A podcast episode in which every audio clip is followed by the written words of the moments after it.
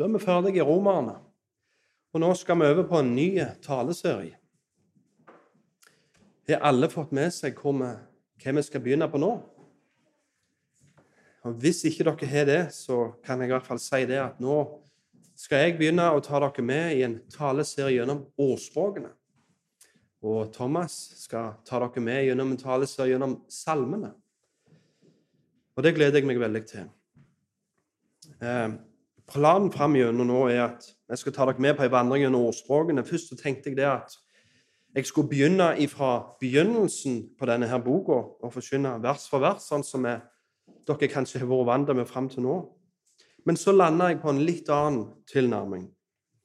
Det jeg heller kommer til å gjøre, er å ta dere med gjennom forskjellige tema som blir tatt opp i denne boka.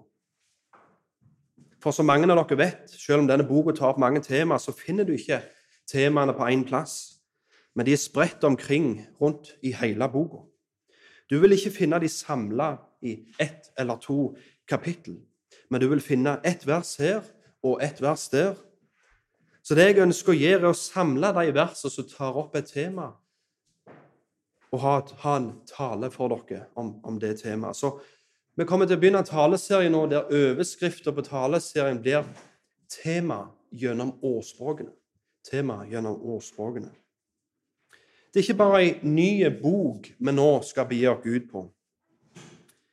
Men eh, vi skal òg gå over i en helt ny sjanger i Bibelen. En helt ny sjanger. Og den sjangeren er det som blir kalt for visdomslitteratur. Visdomslitteratur. Til nå i Romerne så har vi blitt vant til å høre argument som kan strekke seg over flere kapittel. Vi måtte ha høyde for den litterære konteksten, bibelske konteksten og den historiske konteksten. Vi er blitt kjent med nye navn og plasser.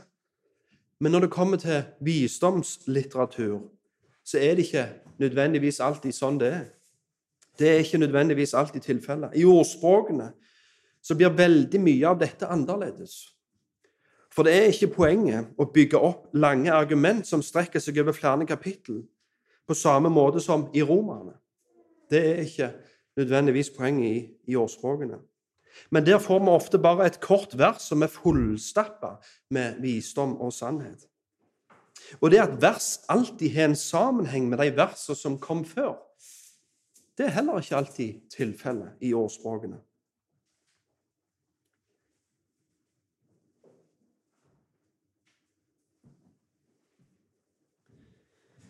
Det er heller ikke alltid tilfellet i denne boka, for ett vers kan ta opp ett tema, og så kommer neste vers og tar opp et helt annet. Jeg vil ta et eksempel. Et vers kan handle om hvordan vi er gode forvaltere av penger. Og verset rett etterpå handler om hvor fælt det er å bo i lag med ei 30 kone, f.eks.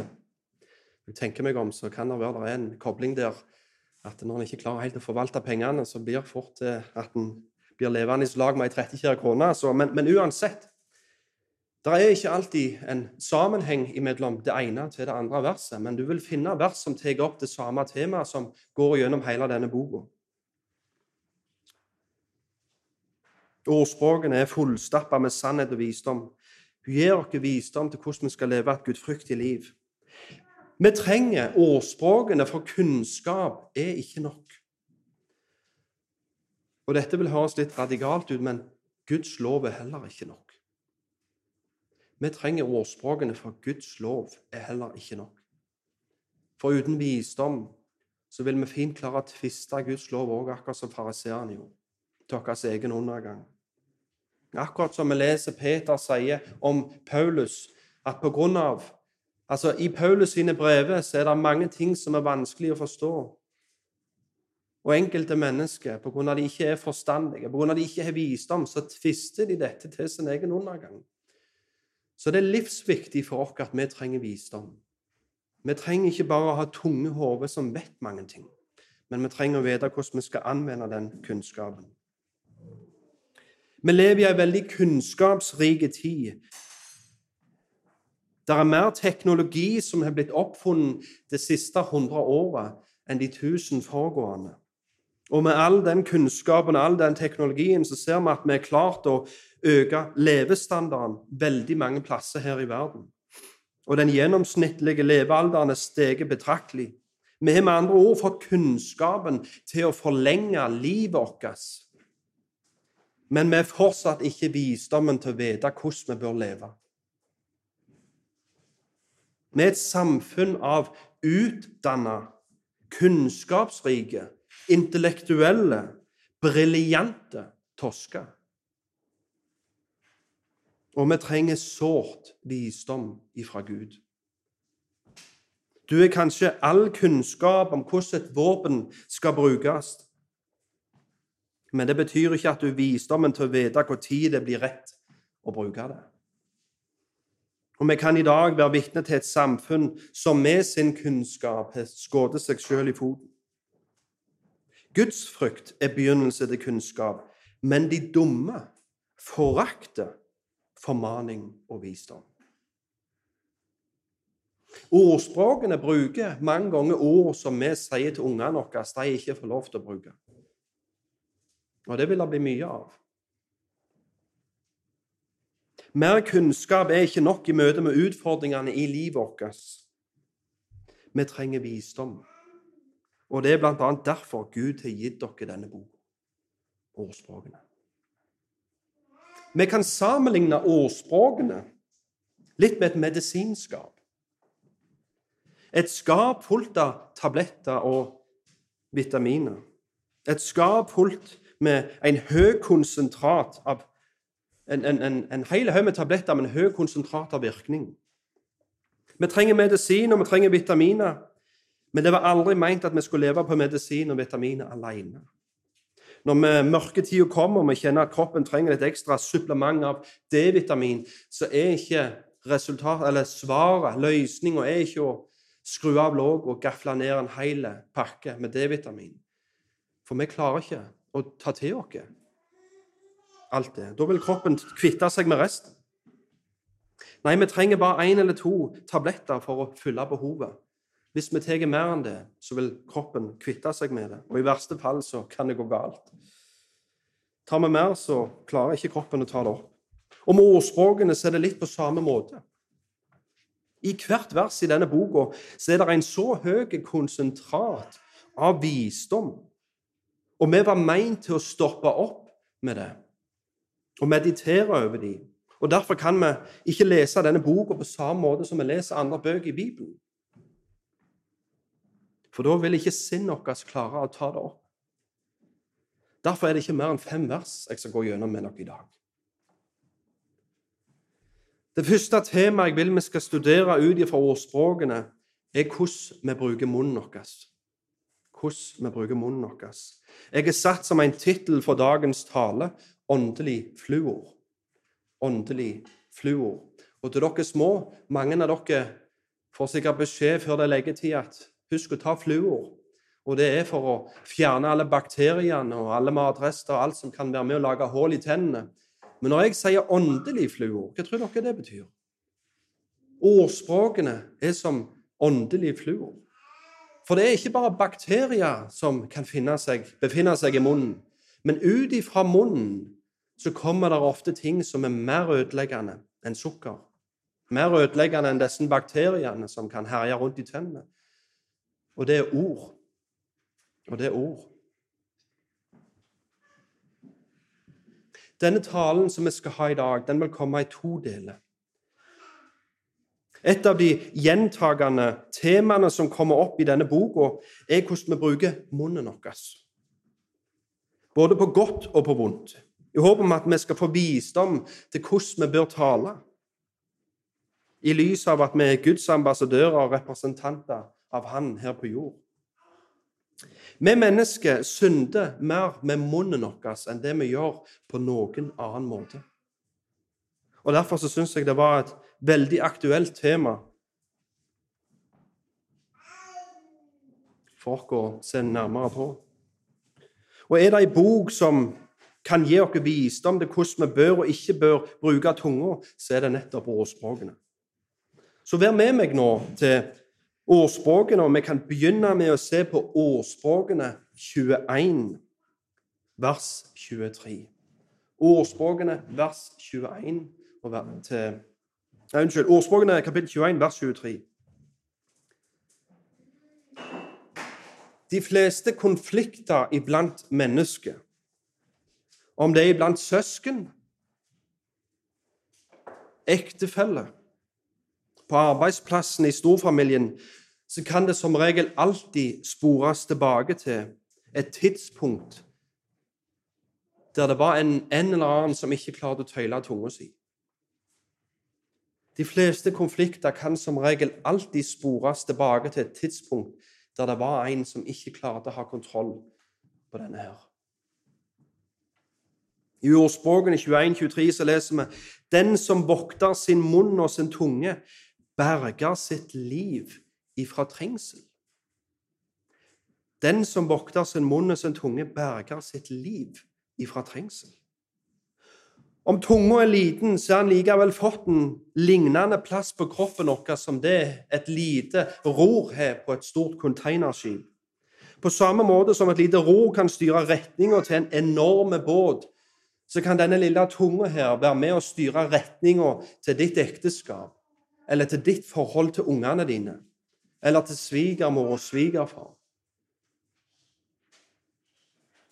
Ber med meg òg til ordspråkene 15, vers 2. Ordspråkene 15, vers 2.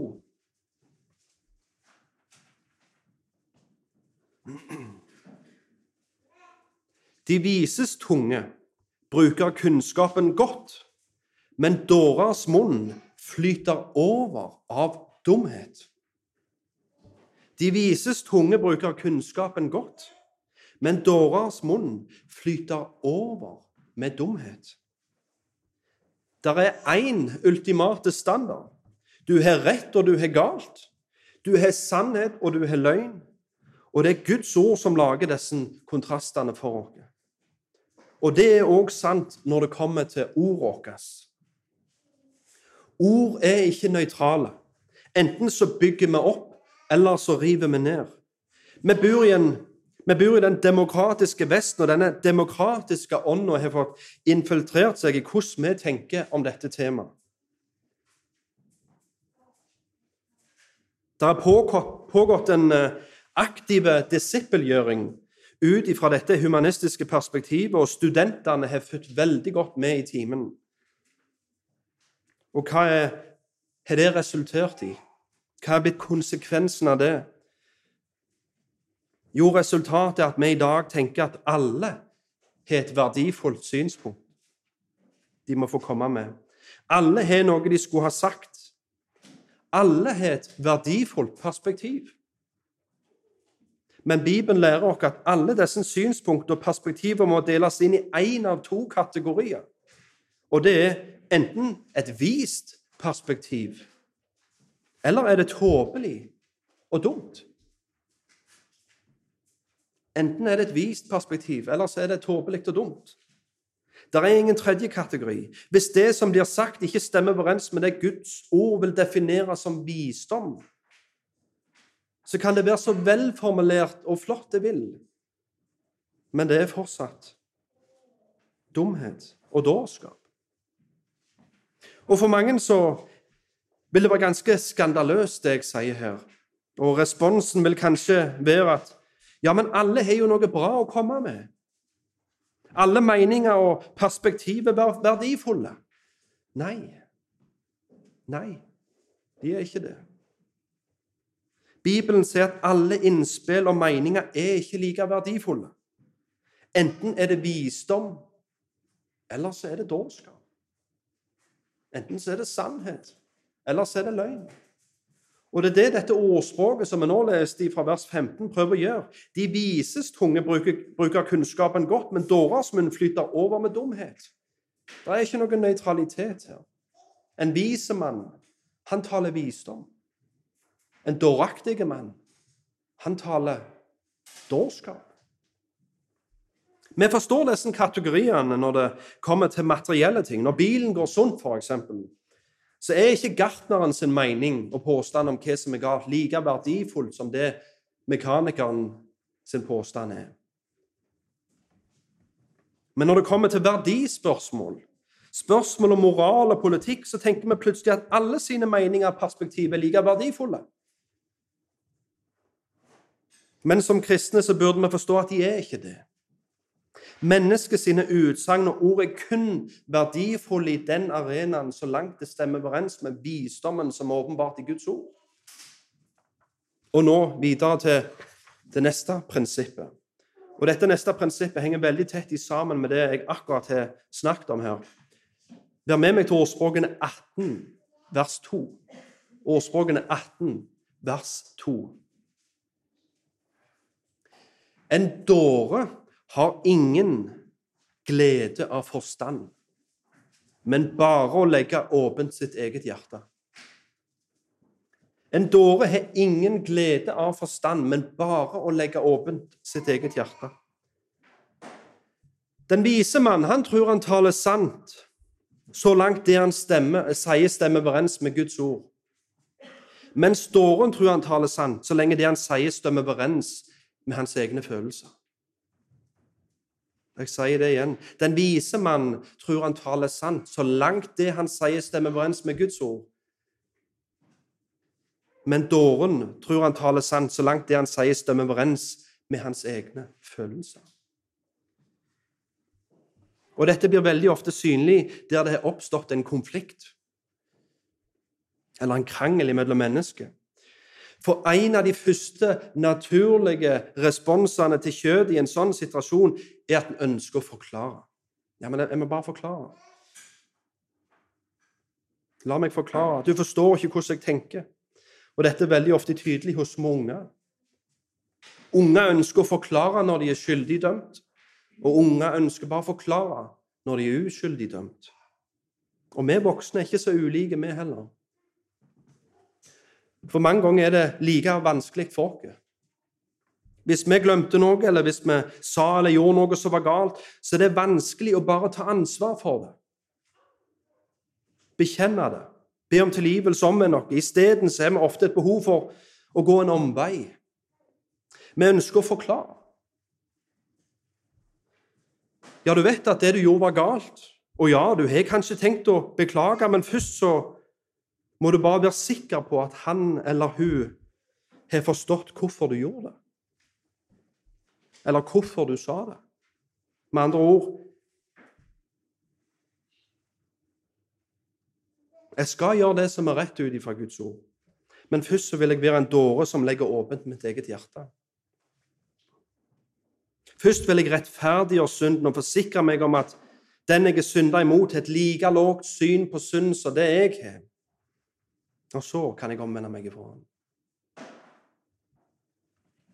Men problemet med det er at da legger du en snublestein i veien for din bror eller din søster. For hvis du har suksess i å få andre til å sympatisere med din synd, og har forståelse for synden din, så har du fått dem til å synde.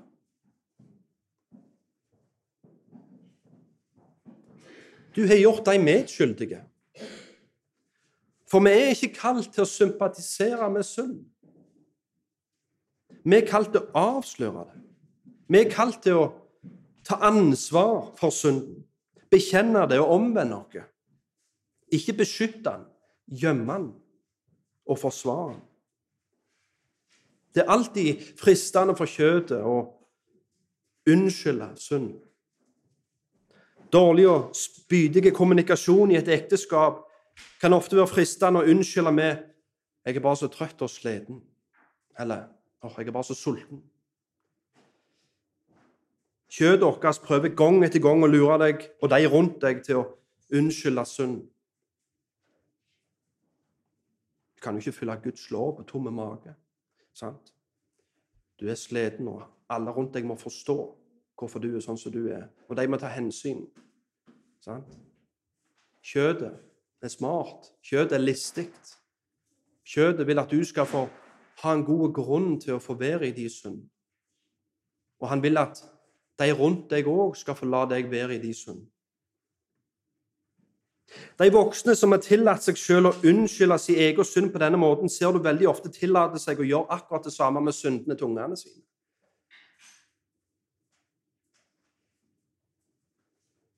istedenfor å ta ansvar for ungene sin oppførsel og mangel på respekt og konfrontere dem, så blir synden deres òg ofte unnskyldt av foreldrene.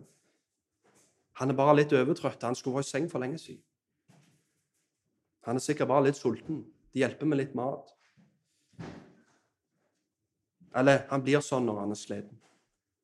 Ser dere hvordan vi unnskylder synd i ungene sine liv? Det er ikke hans feil. Han er bare et offer for omgivelsene. Hadde omgivelsene vært annerledes, så hadde ikke dette vært tingen. Men poenget er at Gud ga mennesket perfekte omgivelser i hagen, men det hjelpte ikke. For problemet er ikke omgivelser. Problemet er hjertet til mennesket. Så når da ungene da etter hvert kommer til deg og skal forklare sin synd, som jeg nevnte tidligere, enten, de, enten de er skyldige eller uskyldige, så har alltid unger et behov for å forklare. Jeg må bare forklare. Du forstår ikke. Så er det en stor sjanse for at de har lært det av deg. For det er ofte det du gjør med de synd. Når folk lurer 'Mor, hvorfor er du så sint?' 'Nei, jeg er bare sulten.' 'Mor, hvorfor? hva er det som skjer? Hvorfor kan Nei, jeg er bare sliten. Far, hvorfor? Nei, for jeg er bare Jeg er bare. Når ungene ser foreldrene unnskylde synden sin og bare forklare litt, er det da løye at ungene da kommer til foreldrene og sier 'jammen, jeg, jammen, jammen'? For de har blitt godt disippelgjort av foreldre. Så la hva Guds ord sier om synd, være det som er sant i din familie. Ikke la dine ungene dine sine følelser eller dagsform få lov til å beskytte og gjemme og forsvare synden. Men vær et forbilde for dine unger i det at vet du hva, 'Nå gjorde jeg noe galt.' Det er helt sant. Dere la merke til det, dere òg. Ingen unnskyldninger. Det var min feil. Tilgi meg. Jeg omvender meg med en gang. Ikke skap en kultur i din heim for at det er greit for mamma eller pappa å unnskylde sin atferd når de vet med seg sjøl det jeg gjorde, var galt. For da følger ungene dine nøye med, og da vil du snart få noen heftige debattanter. Sant? Det er det du disippelgjør med en sånn holdning. Du lager noen ivrige debattanter som står klar til å forklare og debattere deg opp og ned i mente neste gang du konfronterer dem. Og de har lært av deg Sant? Den vise mannen tror han taler sant så langt det han sier, stemmer overens med Guds ord. Men dåren tror han taler sant så langt det han sier, stemmer overens med hans egne følelser. Ja Når du er i en konflikt eller i en krangel, så er ikke veien ut å legge åpent sitt eget hjerte og sine egne følelser. Dåren har ingen glede av forstand. Han bryr seg ikke om hva som er objektivt rett eller galt ut fra Guds ord. Han bryr seg kun om å uttrykke sitt eget hjerte og sine egne meninger. Når vi har synda, så betyr det ikke noe hva vi følte. Ja, men jeg var sliten, jeg var sulten, jeg var ditt, jeg var datt. Men hva er det som er sant? Sannheten er det. Det var galt. Jeg omvender meg. til meg. Og Det er det vi må modellere for ungene våre. Så ikke at ungene hele veien får se foreldre som legger åpent sitt eget hjerte. For det sier ordspråket, det er dåren som gjør det. Og Det vi snakker om nå, er ikke bare en liten bagatell. Men denne dårskapen her er faktisk mye av grunnen for at vi er kommet så på avveie som vi har i landet vårt. For vi bor i en nasjon av mennesker som alle mye heller vil uttrykke sitt eget hjerte enn det de vil underordne seg Guds sannhet og visdom. Når vi bor i et demokrati, så er det hva flertallet er uttrykt ifra sitt eget hjerte, som er med å styre retninga til landet. Det er hva flertallet syns og mener, som utformer den moralske standarden i landet. Og For å ta et eksempel for dere Er dere noen gang blitt oppringt eller fått en mail der de vil ha deg med på en spørreundersøkelse. Og Ofte så handler spørreundersøkelsen om noe du aldri har hørt om, eller noe du i hvert fall ikke har peiling på. Det har i hvert fall skjedd med meg mange ganger. Og da har jeg svart som sant det at eh, Jeg vet ikke hvor lurt det er at jeg svarer på disse spørsmålene, for jeg har ingen kunnskap om dette temaet. Men det som er interessant å se, da, det er liksom aldri vært en hindring for dem. Det betyr ikke noe. Dine tanker dine meninger er like verdifulle selv om du ikke peiler på hva du snakker om. I vår kultur så er det ha kunnskap og innsikt i et tema før du mener noe om det, veldig lite viktig. Det som er mye viktigere, er at du skal få dele hva du føler, og hva du syns, og hva du mener. Og når vi òg vet at mange av disse spørreundersøkelsene ofte blir brukt som tunge trumfkort i politiske debatter, og mange ganger blir grunnlaget for store politiske endringer i samfunnet vårt, så er det ikke bare skremmende, men det er sørgelig. Vi har bygd opp en politisk struktur i landet vårt der dårer som ikke har sin glede i forstand, men bare å gi utløp for sine egne følelser, er den politiske strukturen for hvordan vi har bygd hele landet vårt. Det er disse som får lov å være med å påvirke den moralske retninga til landet. Dårer som legger åpent sitt eget hjerte, som ikke har sin lyst i forstand. Så på mange måter er ordspråkene 18.2 verset som oppsummerer hva Bibelen mener om det demokratiske styresmodellen vi har i dette landet. Vi er en nasjon av mennesker som ikke har sin glede i forstand, men kun å legge åpent sitt eget hjerte. Men selv om dette kan være et tydelig problem der ute Og det er alltid mye lettere å kritisere de politiske systemene og alle presidenter og politikere som gjør så mye der ute, men jeg vil dra det hjem. Jeg vil dra det inn her til oss. For vi må ikke glemme at dette er også en problem i menighetene og i familiene våre. Og det er der vi må begynne å ta tak. Det begynner å nærme seg ti år nå der jeg har fått lov til å engasjere meg i ulike roller i menighetsarbeid og i menighetssammenheng. Og er det ei synd jeg virkelig har fått eh, fått sitt få lov til å herje og ødelegge i disse kristne fellesskapene, så er det denne. At mennesket ikke finner sin glede i forstand, men heller å legge åpent sitt eget hjerte. De bryr seg ikke om hva Bibelen sine kategorier for rett og galt er, men heller hva som føles rett og galt. I løpet av de siste ti åra er det mer enn én en gang der jeg er blitt eh, det er mer enn én en gang jeg er blitt konfrontert på grunnlag av medlemmer eller besøkende som ikke liker måten eller budskapet som ble forsynt fra talerstolen. Og En gang så var det flere damer som hadde gått i sammen og bestemt seg for å konfrontere meg. For de syntes jeg talte på en veldig ukjærlig, autoritær og loviske måte. Og min respons var hvis dere mener jeg er synda ut ifra Guds ord, og hvis jeg er synda imot dere, så vil jeg mer enn gjerne bekjenne det og omvende meg ifra det. Men svaret jeg fikk da, var nei, du er ikke synda. Vi ville bare at du skulle vite hvordan vi opplevde din forkynnelse. Med andre ord, de ville bare legge åpent sitt eget hjerte. De ville fortelle meg hva de følte. Det var alvorlige anklager som kom imot meg fra disse damene den dagen. Men samtidig så var de veldig tydelige på at du har ikke synda ut ifra Guds ord. Men hva for en standard var det da jeg hadde brødet? Hva ga de retten til å ha et kverset av A4-ark og lese opp ting jeg hadde gjort galt? Hva for noen bud var det jeg hadde brødet? Hva for lov? Deres lov. Deres bud.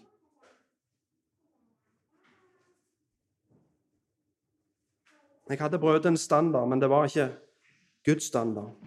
Objektivt sannhet definert ut ifra hva Guds ord sier. Objektiv sannhet definert ut ifra Guds ord betyr mindre og mindre i dag i den kristne forsamling. Det som betyr noe, er hva vi føler. Det er den ultimate standarden. Og hvis du får noen kristne, bekjennende kristne til å føle at dette føltes ikke rett, dette føltes ikke bra, så har du brutt den ultimate standarden. Da har du brødet loven, da har du brødet budet. Men det er løgn. Våre følelser, våre meninger, våre tanker må tas til fange under lydigheten til Kristus. Vi dømmer folk og frikjenner folk, og vi lar følelsene våre være dommeren.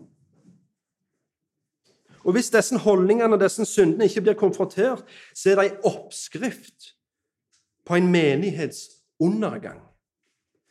Når det har blitt lagd en kultur der dette er greit, der en ikke lenger konfronterer ut ifra objektive, tydelige ting ut ifra Guds ord, men en skal konfrontere ut ifra følelser, ut ifra det å legge åpent sitt eget hjerte og bevege seg ut forbi de bibelske kategoriene for rett og galt, synd og ikke synd, da er vi på farlig grunn. Og Det tar oss til det neste verset jeg vil vi skal se på. Og Det er ordspråkene 12, vers 15. Dårens vei er rett i hans egne øyne, men den som hører på råd, er vis. Jeg leser den igjen. Ordspråkene 12, 15. Dårens vei er rett i hans egne øyne, men den som hører på råd, er vis. Som, eh, som vi tidligere fikk høre, så har vi vise ord, og vi har dåraktige og dumme ord. Men når vi skal bedømme hva som er hva, så finner vi sjelden svaret med å se innover. Og det nytter heller ikke å spørre den som snakker, om hvilken av disse kategoriene ordet hans hører hjemme i. For som dette verset sier, så er dårens vei rett i hans egne øyne. Med andre ord, alle som snakker, mener de har rett. For ellers hadde de ikke sagt noe. Det er viktig å forstå hvordan dette fungerer hvis vi ønsker å være trofaste til Gud, og vi ønsker at vårt ord skal være i kategorien vise ord, og ikke i dåraktige og dumme ord. Og Hvis du har det ønsket, så vil du før eller senere høre noen som sier dette her til deg. Vet du hva ditt problem er? Ditt problem er at du alltid tror du har rett. Og det gjør for så vidt resten av verden òg. Alle som snakker, alle som åpner munnen, gjør det, for de mener de har rett.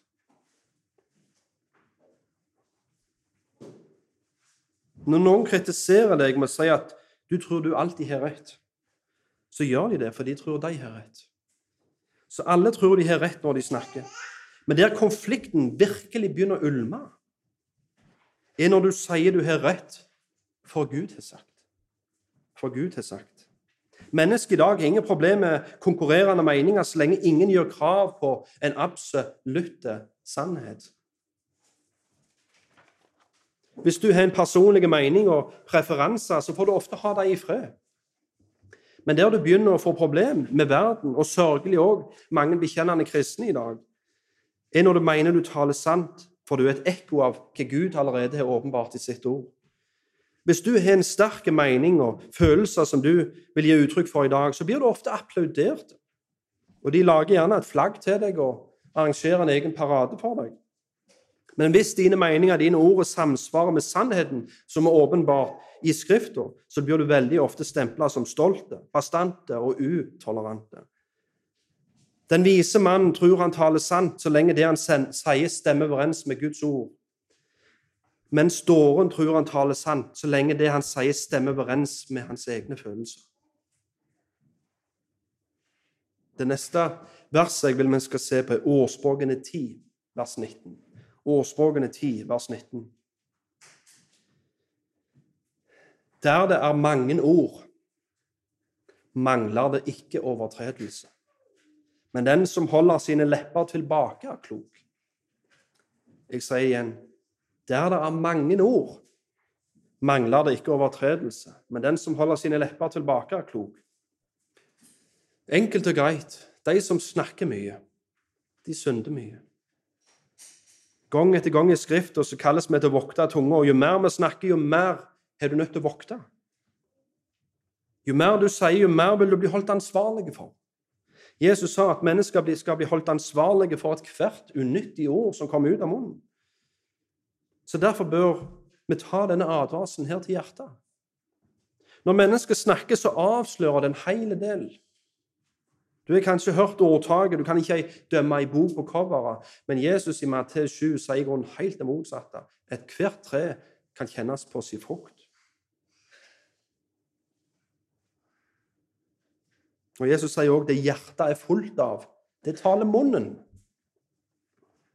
Det er derfor jeg sier at når vi snakker, så avslører vi en hel del. Et menneske som snakker veldig mye om seg sjøl, f.eks., og stiller veldig sjelden spørsmål til andre, avslører med det en veldig sjølopptatthet.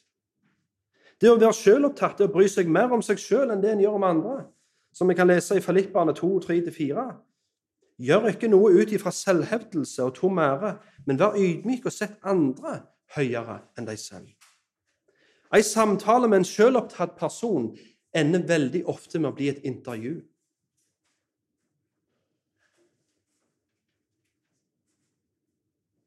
der du stiller spørsmål, og han eller hun svarer. Og sånne forhold kan være veldig utfordrende å stå i og være i.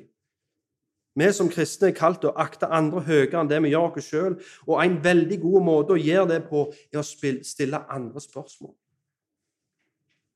Vi kan være raske til å gjemme oss bak personlighet når det kommer til dette punktet.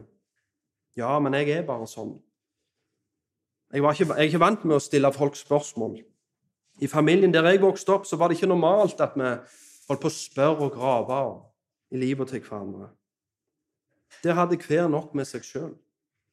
Men når vi nå har blitt kristne, så er hele vårt liv blitt lagt på alteret, og det inkluderer òg din personlighet. Å gi avkall på synd vil i mange tilfeller bety at du må gi avkall og korsfeste en hel del med aspekt med din personlighet. Personligheten din trenger å dø med Kristus, og han trenger å stå opp igjen. Det å være selvopptatt og det å hevde seg sjøl må korsfestes. Det må legges av. Og hvis du føler deg truffet på dette området, så er svaret bekjenn det. Omvend deg. Og be Herren om å gjøre et verk på dette området. Vi har i dag sett på fem vers i årspråkene som snakker om hvordan Gud vil vi skal bruke munnen vår. Vi har sett at de fleste konflikter iblant mennesker kan spores tilbake til et tidspunkt der det var noen som ikke klarte å styre tunga si. Vi har sett at uh, vi har lært at all tale må deles inn i én av to kategorier. Og det er enten vis tale eller tåpelig og dåraktig tale. Vi har sett at en vise mann ønsker at hans ord skal reflektere Guds ord, men en dåre lar ordet reflektere sine egne lyster, sine egne meninger og sitt eget hjerte. Vi har lært at en vise mann tror han taler sant så langt det han sier, stemmer overens med Guds ord. Mens dåren tror han taler sant så langt det han sier, stemmer overens med hans egne følelser. Og til slutt så lærte vi at der det er mange ord, der er det ikke mangel på synd. Ord de kan bygge opp, men de kan òg slå i hjel. I Jakob 3,2 så leser vi at hvis noen ikke snubler i ord, er han en fullkommen mann, som også er i stand til å holde hele legemet i tømmer. Så hvis vi vil ha kontroll på legemet, så må vi begynne med å få kontroll på denne tunga. Og det er sant på et personlig nivå, men det er òg sant innad i Kristi legeme.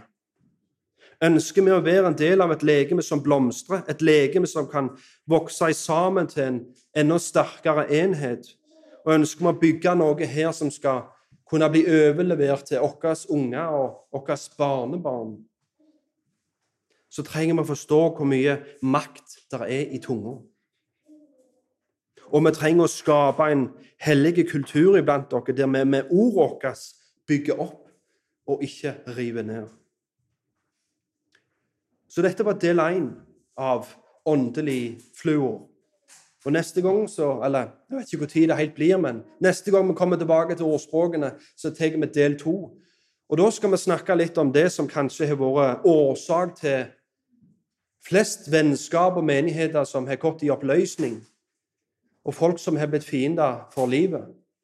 Og det er baktalelse og sladder og bitterhet.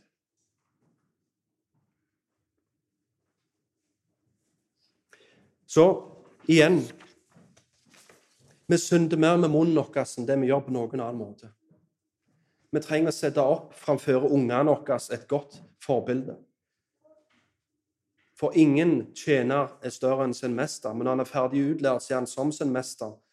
Så hvis ungene dine mesteparten av dagen er satt framfor deg som et speil, og du ser en hel haug med atferd der som du ikke setter pris på, så er det en stor sjanse for at de har lært av deg. Så det begynner alltid med at vi må se oss sjøl i speilet. Og dette er speilet. Men ikke vær som han i Jakob, da, som er opptatt av for å ha en liten stillestund om morgenen, ser seg i speilet, sånn som vi leser om, men så snart han snur seg vekk, så har han glemt. Jeg håper at dette studiet vi skal ha nå gjennom ordspråkene, ikke bare skal være en åndelig fluor der vi lærer hvordan vi skal bruke ordet vårt, men at vi kan få visdom til hvordan vi skal leve dette kristne livet i lag. For ja, vi har kunnskap tilgjengelig, og vi er mer kunnskapsrike enn det vi har noen ganger vært. Men det betyr ikke vi har visdommen til å vite hvordan vi skal kunne leve dette livet. Hvordan vi skal kunne være familier som lever i lag. Unger med foreldre, store med små.